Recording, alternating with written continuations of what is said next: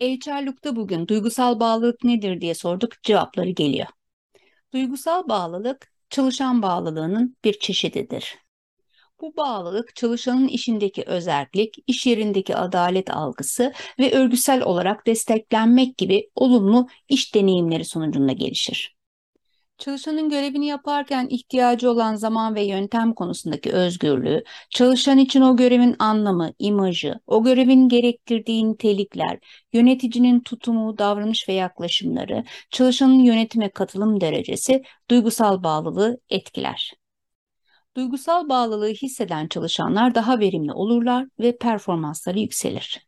HR'lukta bugün duygusal bağlılık nedir bilin istedik. Bizi takip etmeyi ve paylaşmayı unutmayın.